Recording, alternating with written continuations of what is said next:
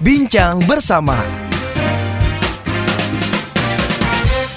Hai semua listeners, kita jumpa lagi ya dalam podcast Bincang Bersama seperti biasa. Di podcast ini kita akan menghadirkan sosok-sosok yang pastinya punya um, inspired untuk Anda semua listeners. Dan kali ini Maria kedatangan satu sosok ini adalah praktisi PR dan juga branding.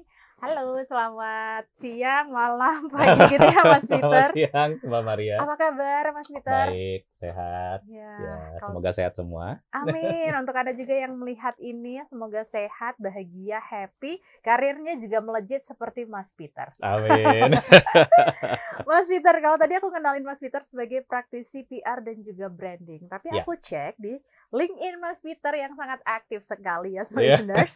Sober, storytelling for brand enhancement and society empowerment. Iya. Apa sih itu? Iya, jadi sober itu adalah singkatan ya Oke. dari storytelling for brand enhancement itu Mhm. ya. Itu yang saya gunakan Hmm, untuk membranding diri gitu. Oke. Ya, jadi begitu Mbak Maria. Orang itu kan hanya ingat poin-poin tertentu dari diri kita Betul. ya. Nggak mungkin mereka tuh mengingat detail tentang kita kecuali mereka Hmm. ada interest tertentu sama kita gitu Betul. ya. Mereka kebanyakan orang nggak akan ingat ulang tahun kita ya kan. Betul. Kebanyakan orang nggak akan ingat oh, kita kompetensinya apa. Hmm, Tapi apa yang mereka rasakan gitu ya Hmm. kan. Dan itu langsung klik gitu dan itu akan mereka ingat. hmm. Nah, dalam kaitannya sama membangun personal brand ya, Hmm. nge-branding diri di tengah publik. Ya, saya harus punya sesuatu yang klik di kesempatan pertama dan orang itu langsung ingat. Oke. Ya, jadi ketika orang tanya, ini maksudnya Peter yang mana? Ya Peter Fabian. Ya Peter Fabian yang mana ya? Sober. Hmm. Gitu ya kan. Dan kata sober ini tentu ya artinya kan sadar ya, Hmm. tercerahkan, enlightenment gitu, enlightened gitu. Hmm. Tapi sebenarnya itu tuh adalah singkatan dari apa yang saya lakukan bersama Hmm. storytelling. Hmm. Storytelling itu untuk apa? Tentu kalau dalam kaitan dengan komersial ya, dengan Hmm, bisnis, hmm. itu untuk brand enhancement. Hmm. Jadi saya punya beberapa klien dan dengan storytelling, brand mereka itu menjadi lebih mudah diingat oleh publik. Ya, Hmm. itu maksudnya enhancement. Hmm. Enhancement itu seberapa kuat bertahan di benak publik. Hmm. Gitu ya. Itu itu patokan dari branding gitu. Sifatnya itu emosional dan Hmm. agak-agak nggak bisa diukur sebenarnya. Hmm. Nah, terus fungsi kedua adalah untuk society empowerment. Hmm. Society empowerment ini maksudnya apa? Pemberdayaan masyarakat, edukasi. Hmm. Ya. Jadi kita menggunakan storytelling itu bukan hanya untuk ya menjual produk atau memperkuat satu brand gitu ya, Hmm. tapi di dalam itu juga terkandung edukasi masyarakat. Oke. Ya, jadi misalnya kita nge-brand tentang suatu produk yang Hmm. bermanfaat bagi kesehatan gitu ya. Ya kita juga harus mengedukasi masyarakat bahwa definisi sehat itu apa, misalnya gitu ya. Hmm. Misalnya cukup tidur, misalnya makan makanan yang alami bergizi, misalnya begitu. Hmm. Kurang lebih seperti itulah gambarannya, Mbak. Oke.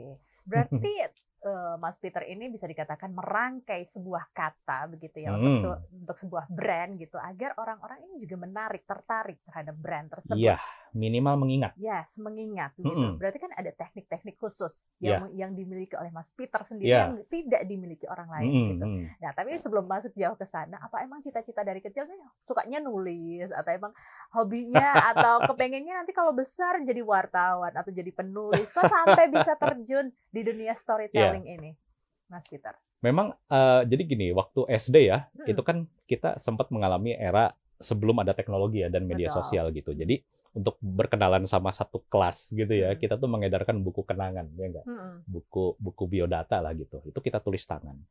Nah, itu kebanyakan orang cita-citanya tuh apa dokter, polisi gitu ya, tentara Hmm. gitu. Kalau aku tuh isi cita-citanya tuh insinyur pembangunan Jauh beda juga ya sampai yang beda, ya. sekarang ya. gitu. Tapi intinya adalah aku tuh senang membangun. Oke. Aku senang membangun. Itu intinya. Hmm. dalam perjalanannya ya eh, aku menemukan bahwa obsesiku terhadap dunia engineering Hmm. itu tidak didukung oleh kemampuan matematika gitu kan jadi aku tuh senang mesin mobil Mm-mm. ya senang elektro Mm. tapi matematikaku ya nggak bagus Mm. gitu ya udah kursus seberapa intensif pun gitu ya nggak bisa Hmm. gitu jadi aku segera menyadari bahwa obsesiku ini nggak bisa jadi cita-cita nggak bisa Oke. jadi penghidupan Hmm. aku nggak akan bisa jadi engineer gitu Hmm. ya kan. Nah, terus mempelajari hal lain lagi. Baca banyak hal gitu ya, termasuk politik. Hmm. Dulu eh, ayah saya almarhum itu ya, itu tuh dari sejak 4 SD saya Hmm. itu sudah berlangganan eh, Tempo, oh jadi nyebut brand ya, Oke. Kompas, Mhm. Pikiran Rakyat. Aku kan dulu di Bandung Hmm. ya. Itu tiga tiga media itu itu saya lahap setiap hari. Wow, Dan itu kan nara, iya narasinya empat- berat. Empat 4 SD, SD, ya? 4 SD. Oke. Itu kan ba- bacaan berat semua. Kompas Mhm. dulu tebelnya kayak apa kan? Iya. gitu. Bukan bobo ya? Iya. Ini tempo. Iya, gitu jadi dari situ kan saya udah tahu Hmm. standar tulisan investigatif itu kayak apa, standar Oke. tulisan Kompas kayak apa, Oke. standar pikiran rakyat kayak apa. Itu tuh udah tercetak di benak gitu. Hmm.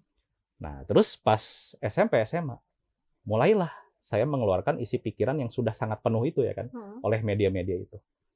Tinggal saya tiru gaya Kompas, tinggal saya tiru gaya Tempo. Oh, kok saya jadi bisa nulis ya? Hmm. Gitu ya kan? Oke. Jadi keahlian saya menulis bukan karena ikut kursus menulis, Hmm. Ya. tapi karena banyak sekali baca. Hmm. Ini, teman-teman sekalian. Kemampuan kita menulis dan berstorytelling Hmm. itu bisa juga didapat ketika kita banyak melahap referensi bermutu. Hmm. Dan ada kegelisahan dalam diri kita untuk kembali mengeluarkannya dengan bentuk berbeda sesuai versi betul. kita. Itulah yang membuat personal brand kita kuat Hmm. ya di tengah arus informasi ini. Orang suka dengan segala sesuatunya itu yang terpersonalisasikan. Hmm. Ya. berbeda gitu. Opini Anda bagaimana? Opini Mbak Maria gimana? Opini Mbak Audrey gimana? Gitu. Orang suka ngedengerin opini kita. Hmm. Nah, pengetahuan yang ada, pengetahuan yang sama diakses oleh banyak orang, tapi kita hadirkan kembali dengan gaya kita. Itulah yang menciptakan ya rasa suka orang terhadap kita. Orang akan mengingat kita. Hmm. Sehingga ketika kita berinteraksi misalnya di media sosial ya atau di komunitas gitu, Hmm. orang akan mengingat kita. Oh, kalau untuk urusan ini udah nggak akan salah deh, serahin ke Mas itu, serahin ke Mbak itu gitu. Hmm, betul. Itu berarti udah ya kan Hmm. di alam bawah sadar orang pasti menunjuk kita gitu. Yes, Itu kan tujuan kita ya kan. Benar, benar. Sehingga kita tidak perlu mengirim ribuan CV ke mana-mana gitu ya. Capek Hmm. banget gitu ya. Hmm. Menghadiri ribuan wawancara psikotes gitu. Hmm. Capek. Saya udah ngalamin itu mbak. Sama Capek sih. sekali ya. Setiap psikotes satu dua jam. Males banget asli. Hmm. Nah kita mau beralih dari red ocean, Hmm. dari kumpulan seperti itu, dari komoditas menjadi sebuah brand yang Oke. orang tuh inget kita. Hmm. Oh Peter yang sober. gitu ya kan.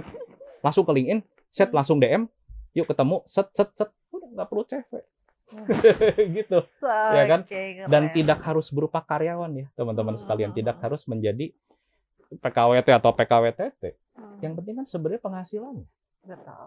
Gitu teman-teman sekalian. Kita kan pengen penghasilan kita stabil, terlepas Hmm. dari apa pun peran yang kita kerjakan, ya nggak? Hmm. Gitu. Orang pengen pekerjaan stabil tapi penghasilannya kurang ya gimana ya? Nggak terlalu menarik gitu sebenarnya. Ujung-ujungnya kan ke penghasilan gitu. Benar Gitu. banget. Mas Peter masih ingat nggak sih tulisan pertama yang mungkin ditulis oleh Mas Peter? Yang Oh ingat, apa ingat itu? banget. Tentang apa? Jadi gini, tulisan pertama saya itu sebenarnya bukan tulisan, tapi Hmm. iklan lowongan kerja Oke. di kantor saya waktu 2017 itu ya kan. Ah. Jadi saya tidak anggap itu sebagai artikel.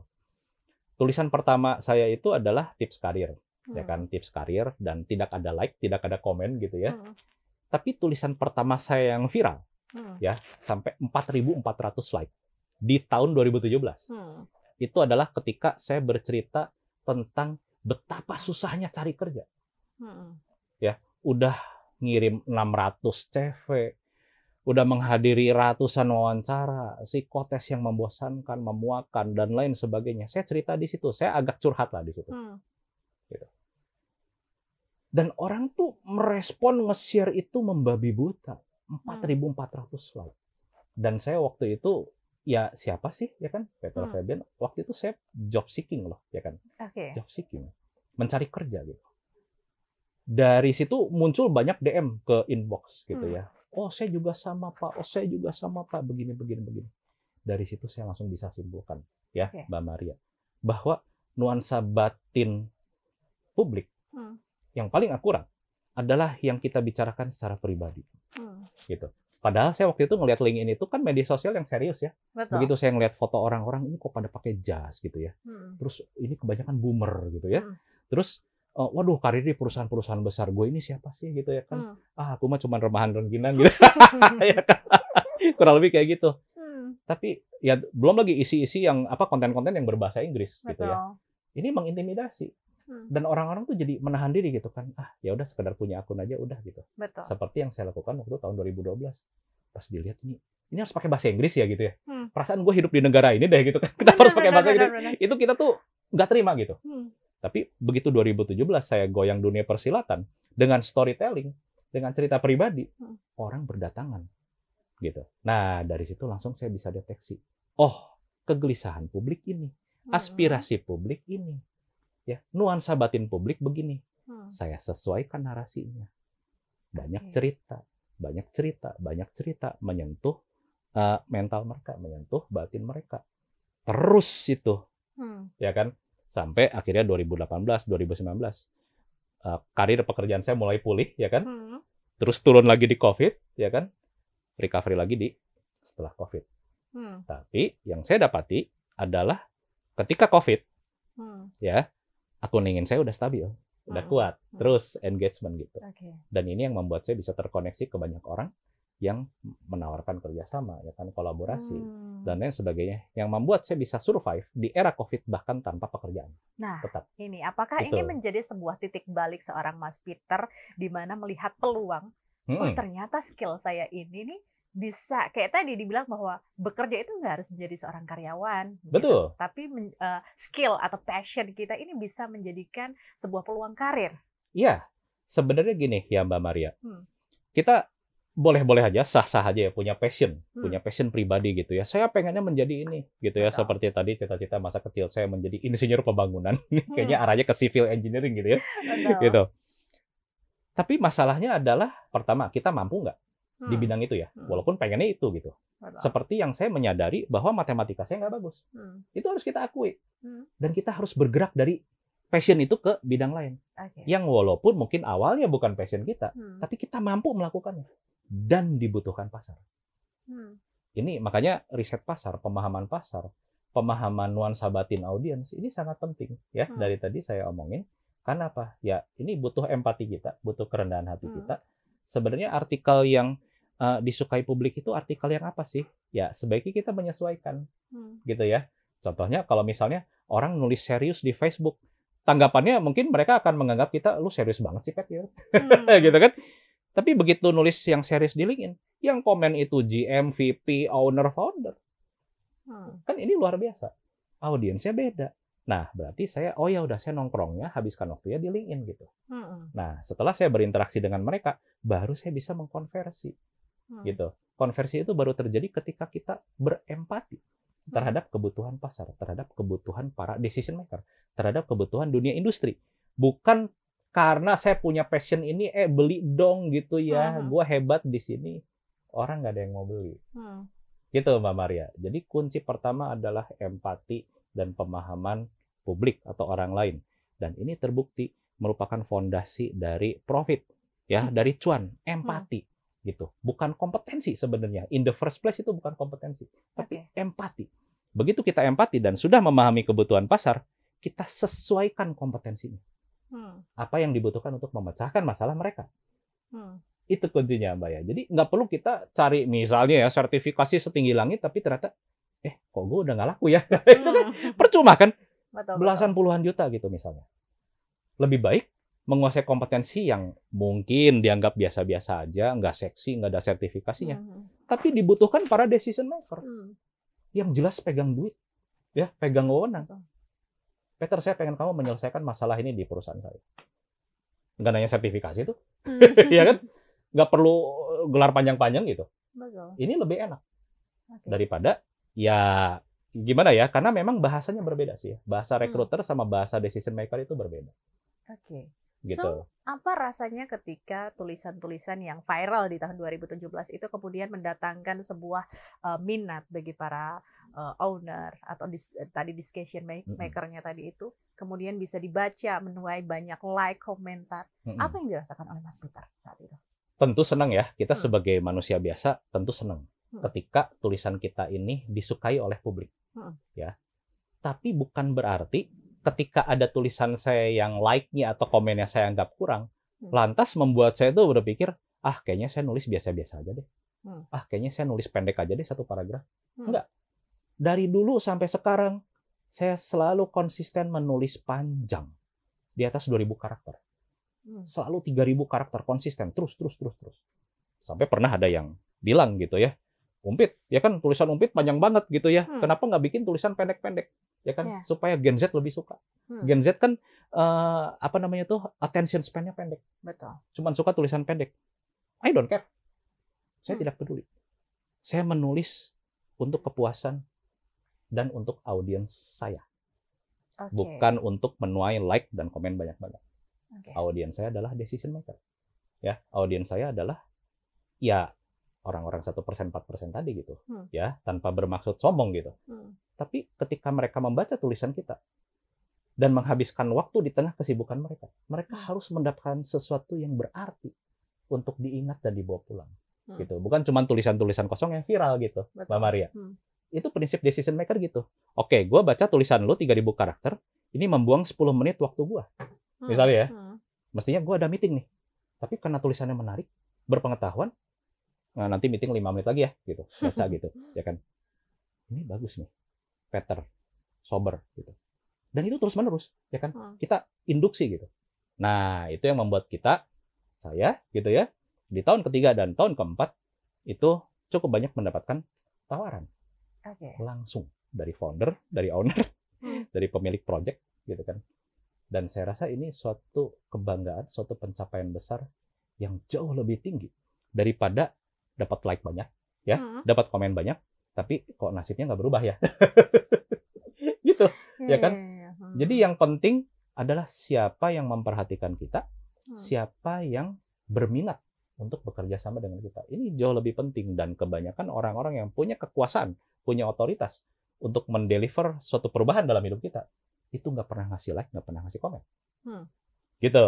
Oke, kalau kita ngomongin tadi Mas Peter mengatakan bahwa konsisten. Iya. Pernah nggak sih dapat tawaran bahwa "Eh, Mas Peter, aku pengennya Mas Peter nulis storytelling sebuah Hmm. brandku ini. Iya. Tapi nggak usah panjang-panjang deh, yang pendek aja. Kalau bayar saya turutin. ya kan, Mas Oke. Peter ini ini pangsa pasar kita ini Gen Z ya kan produk Hmm. kita. Jadi tulisannya pendek aja ya, nggak masalah. Oke. Saya juga bisa copywriting kok. Copywriting Hmm. pendek. Hmm. Beberapa copywriting saya sudah dipakai buat nama PT bahkan. Oke. Jadi termasuk nama PT yang saya dirikan itu PT Kelola Data Nusantara Hmm. itu saya sebut Kentara. Ya kan? Hmm. Kentara itu kan berarti visible gitu. Hmm. Nah, saya tuh seneng copywriting kayak begitu. Dan copywriting serupa itu sudah dipakai sama teman-teman saya yang bikin PT juga gitu. Hmm. Ih, nama PT-nya jadi keren ya gitu ya kan. Nama brandnya keren gitu. Saya bisa copywriting, Mbak. Saya bisa nulis pendek. Hmm. Tapi jati diri saya adalah nulis panjang. Oke. Karena menghadirkan pemahaman, dampak, dan transformasi. Betul. Karena inilah yang dibutuhkan decision maker kan. Hmm. Hmm. Sesuatu yang jangka panjang, sesuatu yang high impact gitu. Hmm. Bukan sesuatu yang viral gitu. Hmm. Pas dibaca ini apaan sih? gitu kan? Hmm. Itu Mbak. So ketika kita mulai aktif di mana pun itu ya, di Hmm. IG, di X ya, Twitter, di Facebook gitu ya. Kita harus paham dulu tujuannya apa Hmm. gitu. Nggak bisa kita bertujuan mendulang sebanyak-banyaknya like gitu ya, terus di tengah jalan itu, ya gue ngapain sih ya? gitu kan? Kayak Hmm. kehilangan arah. Ya kita harus tahu dulu, audiens Facebook ini beda, audiens Oke. X ini beda, audiens IG ini beda, Hmm. ya kan? Audiens LinkedIn apalagi paling beda. Oke. Treatmentnya, narasinya, tonnya, interaksinya, bagaimana kita membawakan diri kita, tentu harus berbeda. Oke, berarti ide dari setiap tulisan-tulisan Mas Peter Mm-mm. ini itu dari mana? Ketika tadi Mas Peter menyebutkan saya nggak ngejar like, nggak ngejar Hmm. komen juga, Ya, tapi saya melihat empathy, keresahan dari para Ya. pembaca saya. Ini idenya dari mana? Pernah nggak sih ngerasain juga buntu nulis gitu seorang Mas Peter? ya, buntu nulis pasti pernah ya, kalau Hmm. capek gitu Hmm. ya. Tapi sebenarnya kehabisan inspirasi itu nyaris nggak pernah. Yang Oke. ada saya nggak ada waktu buat menuangkannya gitu ya kan. Jadi kadang-kadang saya tuh suka nggak aktif sejenak gitu ya, seminggu Hmm. gitu, karena kesibukan aja. Oke. Tapi di dalam pikiran itu tuh selalu banyak gitu ya berseliweran Hmm, hmm. gitu. Eh, gimana caranya supaya kita nggak kehabisan inspirasi untuk berbagi teman-teman sekalian? Tergantung dari apa yang kita lihat, dengar dan rasakan sehari-harinya. Hmm. Ya, kita terekspos sama hal-hal seperti apa? Hmm. Kalau kita terekspos sama hal-hal yang positif, inspiratif. Transformatif, otomatis kita akan menjadi orang seperti itu. Hmm. Minimal kita menyerap dulu, ya kan? perihal mengeluarkannya dengan gaya kita. Hmm. Nah, itulah yang kemudian menjadi konten. Gitu, Mbak Hmm. Maria. Kebanyakan orang tuh, "Ah, Mas Peter ya kan saya buntu nulis gitu kan Hmm. gini-gini nggak ada inspirasi. Lah ya, sehari-harinya mikirin apaan? Ya kan? Sehari-harinya baca apaan? Oh ya gosip, berita, selebritis gini. Ya nggak akan bisa, Oke. ya kan? Sorry gitu. Karena orang-orang yang sukses di luar sana di bidang apa pun ya gitu. Hmm. Dan sukses ini kan nggak selalu harus materi ya, Mbak Betul. Maria ya. Sukses itu bisa jadi ketika pergaulannya berkualitas tinggi, Hmm. ketika keluarga yang dipimpinnya itu eh, senang dengan kehadiran dirinya gitu Hmm. ya. Apa pun itu sukses definisinya itu adalah mereka yang selalu menyerap apa pun itu ya Hmm. referensi gitu ya atau kejadian itu dari sesuatu yang positif Hmm. yang bermanfaat gitu ya kan tentu tidak mungkin kita terus menerus mencari sesuatu yang positif kadang-kadang ada hal negatif juga yang kita eh, pengen tahu apa sih gitu ya kan Hmm. tapi karena exposure kita ini kebanyakan yang positif Hmm. kita jadi menanggapi yang negatif dan tidak menyenangkan itu menjadi positif juga Hmm. gitu menjadi netral juga nggak ikut-ikutan jadi hater nggak ikut-ikutan jadi penghasut gitu Hmm. ya kan ya contohnya kayak pilpres kemarin kan Hmm. berapa banyak orang yang saling mengunfriend di Facebook ya kan keluar dari WhatsApp grup keluarga gitu ya kan Hmm. cuman gara-gara beda pilihan ini perlu nggak sih sebenarnya gitu kan Hmm.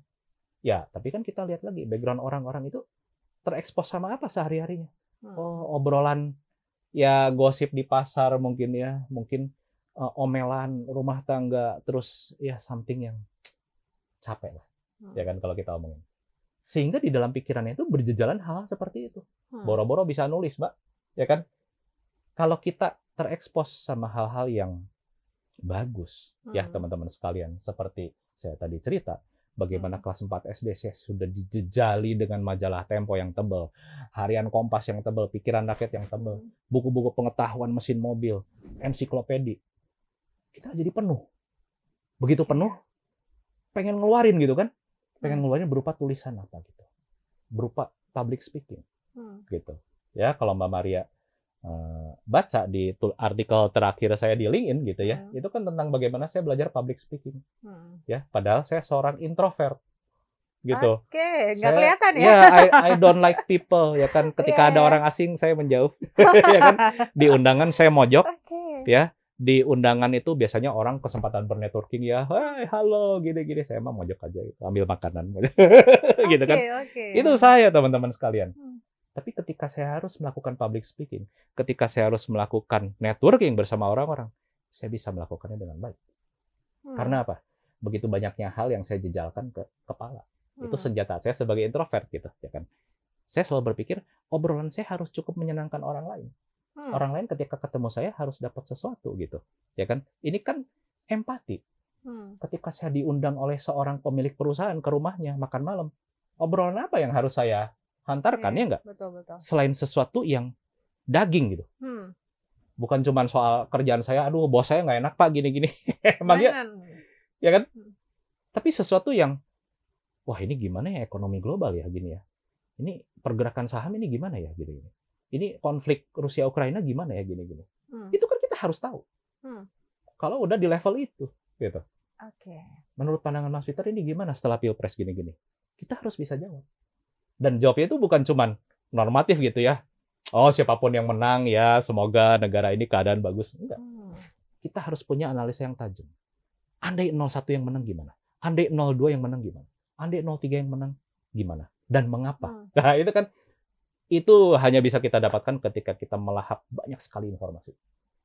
Oke. Sehingga sudut pandang kita beragam, tapi sekaligus juga dalam. Ini yang disukai orang-orang di level itu, Mbak. Yes. Dan orang-orang level itu nongkrongnya di LinkedIn. Tapi diam aja. Gitu. Oke, oke. Mengamati. Mengamati. Iya. Silent. Oke. Gitu. Ini uniknya. Ya, Mas Peter juga unik. Tadi mengatakan bahwa saya ini seorang yang introvert, begitu. Ya. Tapi senang bernetworking. Ya. Eh, menulis juga Iya. eh, dengan berjumpa dengan para eh, owner dan Iya. juga petinggi-petinggi. begitu. iya. Nah, apa yang kemudian membuat Mas Peter ini mengeluarkan sisi lain dari Mas Peter bahwa introvert ini juga bisa menjadi seorang public speaking. Kalau tadi Mas Peter mengatakan bahwa bisa juga menjadi seorang storyteller. Hmm. Apa? Apa yang Ini kemudian? kegelisahan saya Iya. sejak lama, Mbak. Oke. Ini kegelisahan saya sejak lama. Sebagai yang pernah mengalami era sebelum teknologi, Hmm. ya.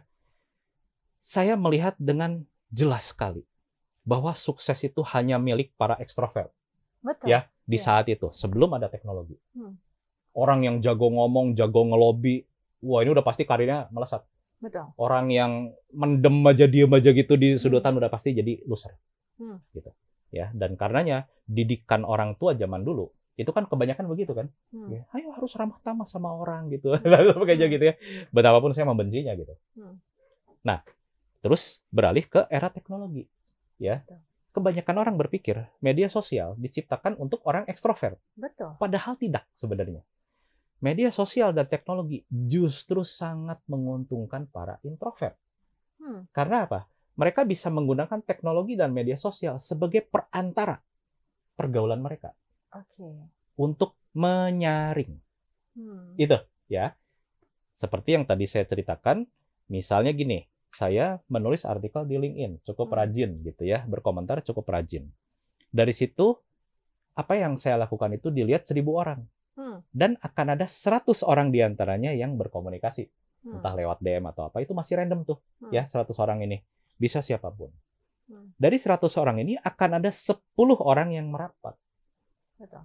Nah, circle inilah yang kemudian akan mempengaruhi perjalanan karir, bisnis, dan hidup kita, Mbak. Hmm. Di mana satu dua orang di antaranya akan secara langsung berdampak bagi kita. Hmm. Gimana caranya supaya saya bisa dilihat seribu orang itu? Ya teknologi dan media sosial, Mbak.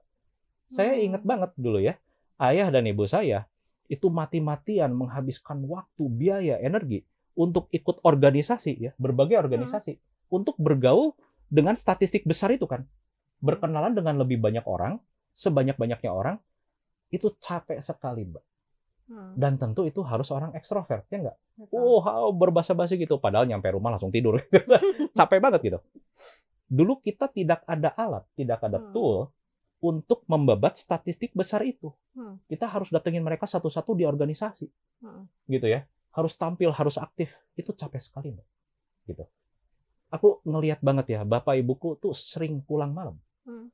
Karena ke organisasi A, organisasi B gitu ya.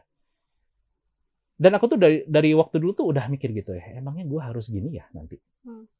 Gitu. Ternyata ada teknologi dan media sosial. Oh, ini dia. Ya kan?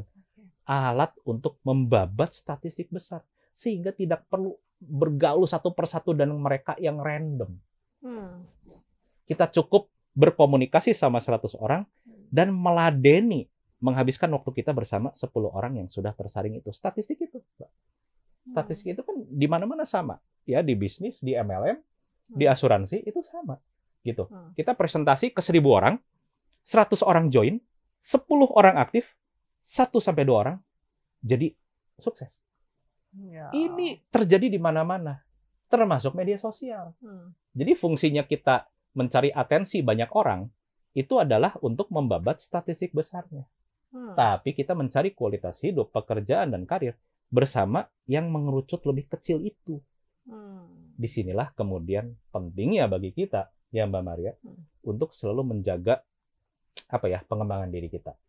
Pengembangan kapasitas diri kita, kapabilitas diri kita.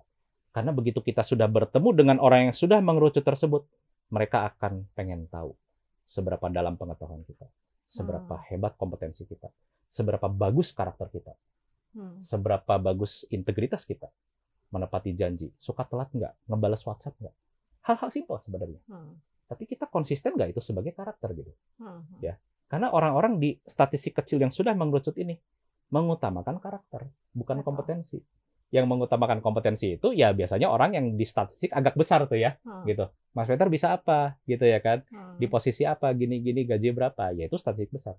Hmm. Tapi begitu udah ngomong sama decision maker, sama pemilik perusahaan, ngomongnya udah karakter, wawasan, deep knowledge ya kan, filosofi, Hmm. ya kan, pemahaman.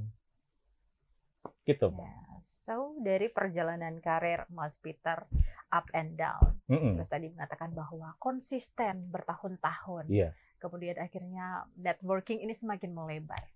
Definisi kesuksesan Mas Peter itu apa? Apakah sekarang Mas Peter sudah merasakan bahwa ya saya sekarang sudah ada di titik sukses nih, ataukah Hmm. masih ada lagi yang mau dicapai? Silahkan. Oh, masih jauh dari sukses, Mbak Maria ya gitu. Karena sukses itu sendiri sebenarnya ya, sebenarnya sesuatu yang sulit didefinisikan. Hmm, Ya. Kebanyakan orang mendefinisikan dari oh, pangkat tinggi di pekerjaan, ya. betul. penghasilan tinggi, bisa punya mobil, rumah gitu ya. Buat saya gini ya. Ini mungkin orang-orang sedikit menertawakan gitu Hmm. ya. Tapi buat saya yang udah di umur segini ya, mungkin Hmm. karena pengaruh umur juga. Sukses itu adalah ketika semua yang kita perjuangkan itu pada akhirnya mulai berbuah. Walaupun itu mungkin belum bisa menopang hidup kita mungkin, Hmm, Ya. tapi berbuah, menampakkan konsistensi kinerja. hmm, Itu itu udah sukses sebenarnya. Oke. Karena untuk sampai tahap itu aja, ya itu kan tiga tahun pertama ini Hmm, sanggup nggak gitu? Ya, sudah mulai menampakkan kinerja. Di tahap berikutnya, kita bisa berurusan dengan apa yang kita bangun itu dengan hati damai nggak? hmm, Gitu ya, peace of mind. Kalau kita sudah bisa berurusan dengan apa yang kita bangun itu dengan peace of mind, dengan hmm, hati damai, tenang, itu udah sukses buat saya, Mbak. hmm, Karena kita udah tahu arahnya yang kita bangun ini mau ke mana, gitu kan. hmm. Tinggal melakukan hal-hal yang lebih berdampak. Oke. bukan hal-hal administratif, remeh-temeh, perintilan yang bikin kita malah emosi tiap harinya. Hmm, Buat saya itu belum sukses. hmm, Selama kita membangun sesuatu dan masih harus ngurusin perintilan, bikin kesel orang atau orang bikin kesel kita, buat saya itu belum sukses. Oke. Sukses itu adalah ketika sumber masalah itu bisa kita atasi atau bahkan kita eliminasi dengan taktis. Set, set, set, set, set. Nah, Itu udah sukses. Yes. Gitu. Oke, thank you Mas Peter. Pokoknya proses tidak akan mengkhianati hasilnya, for Iya. listeners. Semangat selalu. Semoga apa yang kami hadirkan di podcast ini juga bisa bermanfaat untuk Anda.